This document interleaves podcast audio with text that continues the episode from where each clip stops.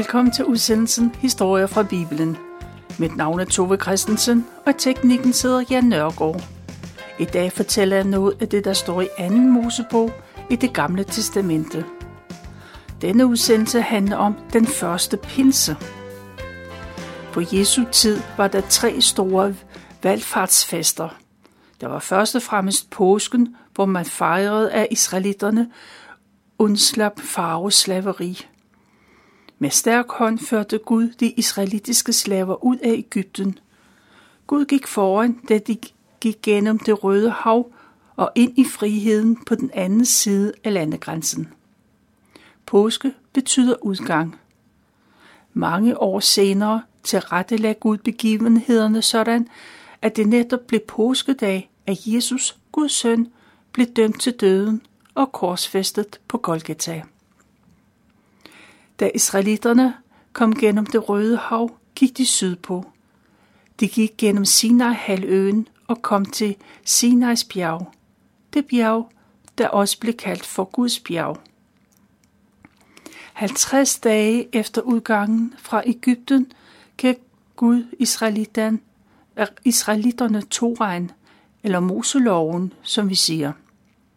Moses fik de ti bud på to stentavler. De regler har israelitterne levet efter lige siden, og som den danske grundlov er blevet bygget på. Lige siden dengang har jøder fejret den begivenhed, og de kaldte den for pinse. Den første pinse efter Jesu død var Jerusalem fuld af tilrejsende jøder. Der kom Helligånden over Jesu disciple. Den dag hørte jøder, der kom fra mange lande, evangeliet på deres eget sprog, og det kristne budskab blev spredt ud i verden. Pinsedag gik det op for disciplene og for mange andre, at Jesus havde levet et fuldkomment liv i stedet for dem. Jesus havde overholdt alle de love, som de i sin tid havde fået på Sinais bjerg. Alligevel døde han en forbryders død i deres sted. På den måde bandt Jesus påske og pinse sammen for jøderne. Og siden har den kristne kirke fejret både påske og pinse. Om efteråret var der løvhyttefesten. Mange jøder tog igen til Jerusalem for at takke for høsten. Ved løvhyttefesten boede man i primitive hytter. Det gjorde man for at huske på, at Gud beskyttede og havde omsorg for israelitterne, da de boede i ørkenen. Man kan sige det kort. Først gav Gud israelitterne frihed og frelse. Da de var blevet frie, gav han dem loven, og så takkede de Gud for hans omsorg. Gud, hvis navn er Herren, taler til Moses, og han står i spidsen for måske 3 millioner mennesker. Gud går forrest, da israelitterne forlader Ægypten og deres tilværelse, slavetilværelse. De går gennem det røde hav og ind i sig Sinai-halvøen. Der behøver man ikke længere at være bange for Farve og hans soldater. De er alle døde. Men ude i ørkenen lurer der andre farer. Der er vilde dyr, giftige slanger og skorpioner er der mange af. Men mangel på vand og mad er det største problem. Men Gud sørger for israelitterne, og de oplever mirakler den ene gang efter den anden. De får både mad og vand. Gud sørger for dem. Moses har ansvar for de mange mennesker, og de bevæger sig langsomt fremad. Der er mænd og kvinder og små og større børn, og der er ældre, der går dårligt. For ikke at tale om et ukendt antal får og geder. Det tager sin tid, men til sidst kommer de ned til den sydlige del af Sinai-halvøen. Der, der slår de sig ned ved foden af Sinai-bjerget, som er Guds bjerg. Det bliver også kaldt for Horus bjerg. Man slår teltet op og indretter sig, for der skal de være et stykke tid. Moses har været på det sted en gang før. For ganske få måneder siden stod Moses ved den brændende tornebusk, og Gud talte til ham for første gang. Gud bad Moses om at føre israelitterne ud af deres slaveri i Ægypten. Men Moses var ikke meget for at påtage sig den opgave. Det synes han slet ikke, han var værdig til. Moses' kendskab til Gud var måske heller ikke så stort. Ved den brændende tårnebusk fik Moses et tegn fra Gud. Han og hans folk skulle lovprise Gud netop på dette sted. Nu står hele det israelske folk ved Sinai bjerg. Gud har været med dem hele vejen, og sammen kan de lovprise Gud. Guds løfte er Gud opfyldelse. I øvrigt så skulle der en hel del mere overtagelse og store under til, før Moses accepterede Guds plan. Israelitterne er ved at indrette sig i tætlejren, men Moses går op på bjerget, det hellige bjerg. Der bliver han mødt af Guds stemme. Gud råber fra bjergets top, at Moses skal videregive det, han siger. Og Gud laver en pagt med folk. Begge parter skal indgå en forpligtende, bindende aftale. Israelitterne skal adlyde Gud og holde sig til ham. På den anden side vil Gud gøre israelitterne til sit ejendomsfolk, og de skal være et helligt folk. Moses går ned af bjerget og giver beskeden videre til israelitterne. Man svarer enstemmigt, at de vil følge Guds bud, og de vil gøre, hvad han siger. Israel, nej, øh, Moses, han går igen op ad bjerget. Han har folks accept med tilbage til Gud. Så forbereder Gud Moses på, at dagen efter er en særlig dag. Alle skal forberede sig, og de skal møde den hellige Gud. De skal vaske sig på en særlig måde og tage rent tøj på og overholde visse regler. Så skal man mødes ved foden af bjerget. Den næste morgen er alle klar. Der kommer der et voldsomt uvær med lyn og torden. En tæt sky sænker sig ned over bjerget, og man hører en høj og lang stød, ligesom fra et horn. Det er så ildevarslende, at alle i lejren skælver. Sinabjerg er indhyllet af røg, og Gud kommer ind i en ild. Alle ryster, alt ryster, som om der er jordskælv. Moses taler til Gud, og Gud tordner sit svar tilbage. Og folk bliver så bange, at de ikke kan holde ud at være nærheden af Gud. Moses er talerør mellem Gud og israelitterne. Han må flere gange op og ned af bjerget. Til sidst går Moses og Aaron op på bjerget. Der giver Gud dem de regler, som folk på forhånd har givet tilsavn om, at man ville overholde. Gud giver israelitterne de ti bud, som vi kalder dem. Det første bud lyder sådan. Du må ikke have andre guder end mig.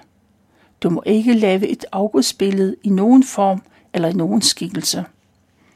Nummer to er, du må ikke misbruge Herren din Guds navn. Og Gud vil straffe den, der gør det. Nummer tre er, du skal holde hviledagen hellig. Seks af ugens dage skal man arbejde. Den syvende dag skal være en hviledag. Nummer 4. Du skal ære din far og din mor, så du får et langt og godt liv. Og du må ikke slå ihjel. Du må ikke begå ægteskabsbrud. Du må ikke stjæle. Du må ikke anklage nogen på falsk grundlag. Du må ikke begære andres hus. Du må ikke begære en andens hustru eller noget, der tilhører andre. Det var de ti bud. Mens Gud taler med Moses, så står folket nede ved foden af bjerget. Og de hører lange, frygtindgyde stød af i tårn, og folk de ryster af skræk. De ser lidt af, hvem Gud er. Gud Herren er så hellig, at man ikke kan komme i nærheden af ham. Men folk beroliger folk. Det er ikke fordi Gud vil slå dem ihjel, og han taler på den voldsomme måde. Det er fordi de skal overholde Guds bud. De skal have stor respekt for Gud. Men for eftertiden taler Gud til Moses, og Moses siger det, han hører videre til folk. Det er den ordning, folk ønsker. De er utrygge ved at være så tæt på Gud. Gennem de ti bud har Gud fortalt de generelle regler, de skal have i omgangen med hinanden. Men Gud er ikke færdig. Han har meget mere at sige til israelitterne. Moses går igen ind i Guds nærvær, og Gud uddyber nærmere, hvordan reglerne rent praktisk skal overholdes og udleves. Han giver detaljerede eksempler på, hvad de skal gøre med for eksempel deres slaver. Hvis man er skyld i, at en anden bliver invalid, så skal man betale bod. Og så er der krav om erstatning, hvis man stjæler et dyr og sælger det videre. Og der er regler om, når man er vidne, så skal man være upartisk. Gud har regler for deres marker og for fester og for højtider. Og så må man ikke udnytte eller undertrykke de fremmede. Det her, det er blot nogle ganske få eksempler. De mange love og forordninger siger Gud til Moses, og Moses fortæller det videre til folk. Alle som en siger, at de vil adlyde Guds bud til punkt og prikke. Og så skriver Moses alle lovene ned. Og dagen efter, så bygger han et alter. Han tager 12 sten, en for hver af Israels 12 stammer. Det symboliserer, at hele folket står bag Moses. Og man sender offer til Gud, så læser Moses op af den bog, han har skrevet. Det bliver kaldt for pagtsbogen, for den indeholder alle de regler og regulativer, Gud har givet dem.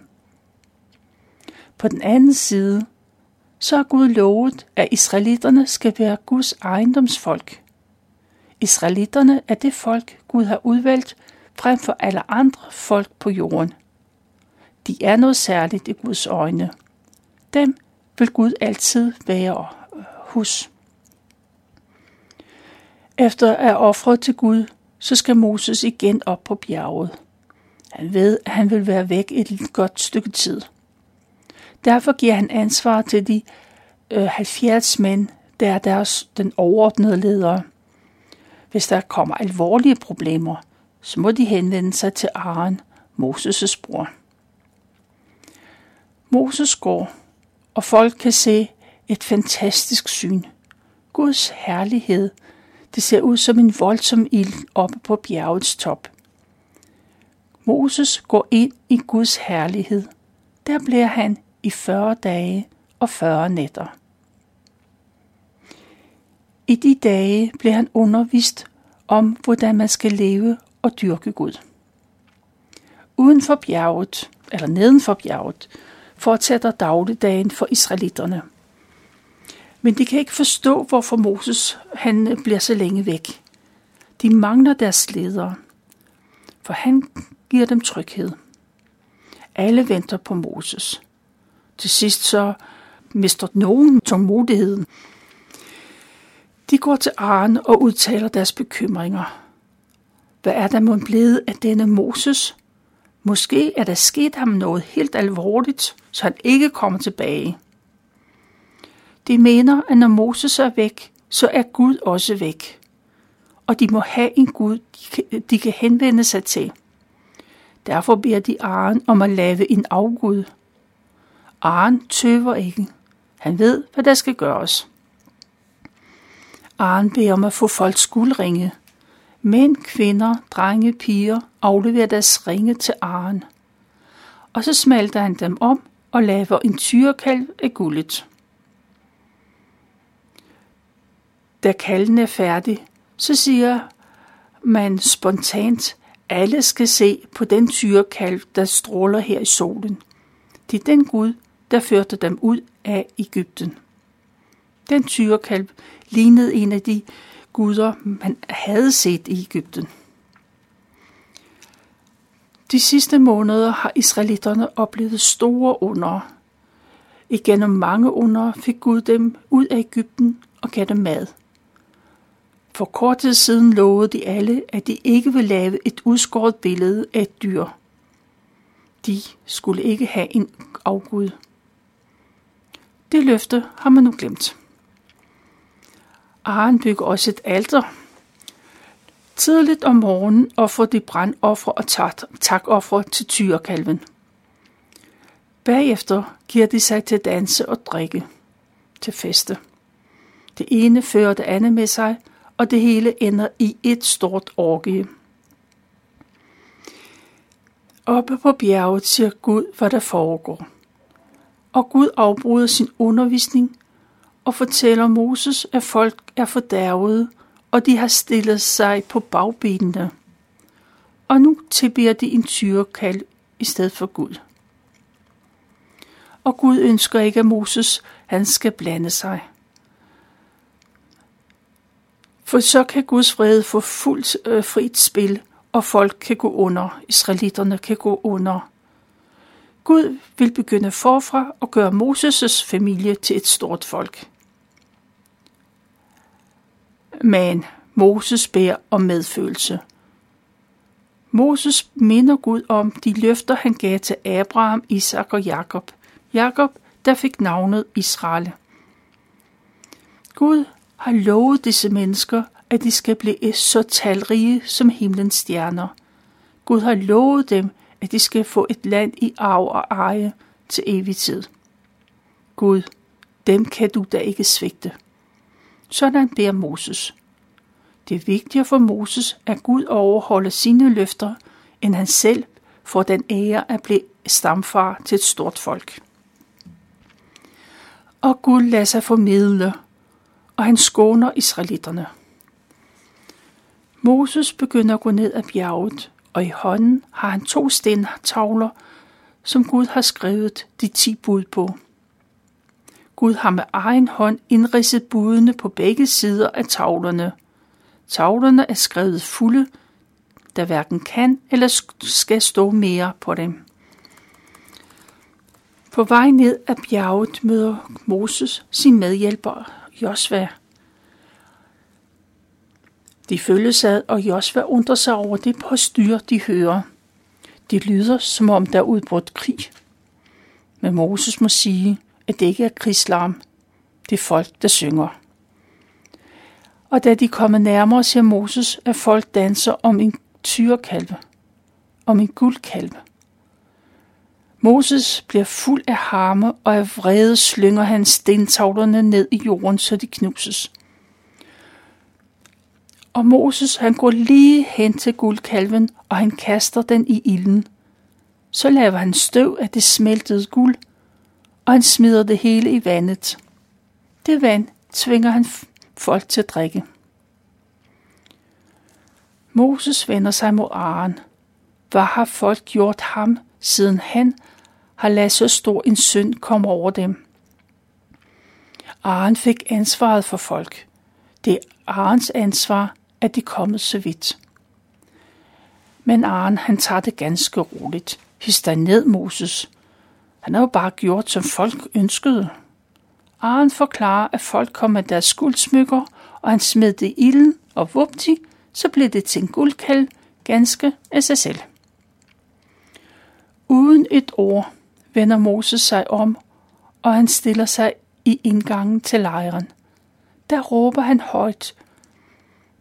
Alle, der vælger Gud Herren, skal komme over til ham. Levitterne, altså dem, der efterkommer af Jakobs søn Levi, de går hen til Moses, og Moses opfordrer dem til at tage deres svær og gå gennem lejren. De skal slå alle ihjel, der har været med til at lave guldkalven. Is levitterne, de dræber deres venner, dem de ikke kender, og dem de kender, dem de ikke kender, og, de, og deres slægtninge. Den dag dør 3.000 mænd. Levitterne følger Guds anvisninger, selvom det koster på det menneskelige plan. Man samler sig om Moses. Han er klar over, hvad de har gjort og hvad det har kostet. Han ser på levitterne og siger, at i dag er de indviet til at gøre tjeneste for Gud. De adlød Gud, og de skal opnå en stor velsignelse. Dagen efter taler Moses til hele folket. På trods af det, de har gjort, så vil Moses igen gå op på bjerget. Der vil han møde Gud. Måske kan de få tilgivelse for deres synd. Moses går ind foran Guds ansigt. Der beder han om tilgivelse på israeliternes vegne. Moses siger, at hvis Gud ikke vil tilgive, så ønsker han ikke at stå i livets bog.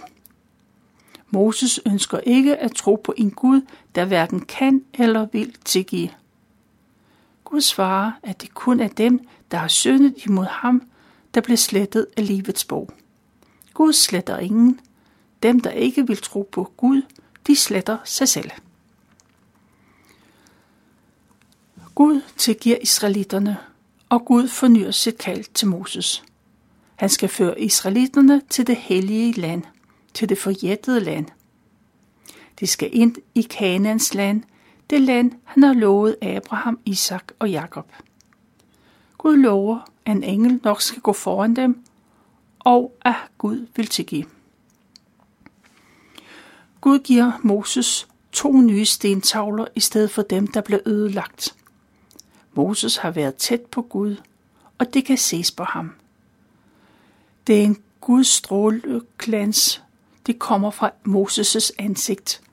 Det stråler så meget, at Moses bliver nødt til at tage et slør over hovedet, når han går er sammen med mennesker. Kun sammen med Gud viser han sit ansigt. Israelitterne bliver ved Sinai bjerg i næsten et år. Det år bruger de til at hvile sig i. De har brug for hvile efter de strabasser, de har været igennem. Og de har hver især brug for undervisning om Guds love. Først da er de klar til at gå videre på vej mod Kanans land. Der var jeg valgt at fortælle fra 2. Mosebog, kapitel 19 til 32. Og så er der lige en eftertanke. For i 2. Korintherbrev i det nye testamente, så læser vi om Moses. Paulus skriver, at Moses' ansigt strålede af Guds nærvær men stråleglansen på hans ansigt, det forsvandt lidt efter lidt. Men Moses beholdt sløret på, så israelitterne ikke kunne se, hvordan stråleglansen forsvandt. Og det var så en oversættelse fra Bibelen på hverdagsdansk.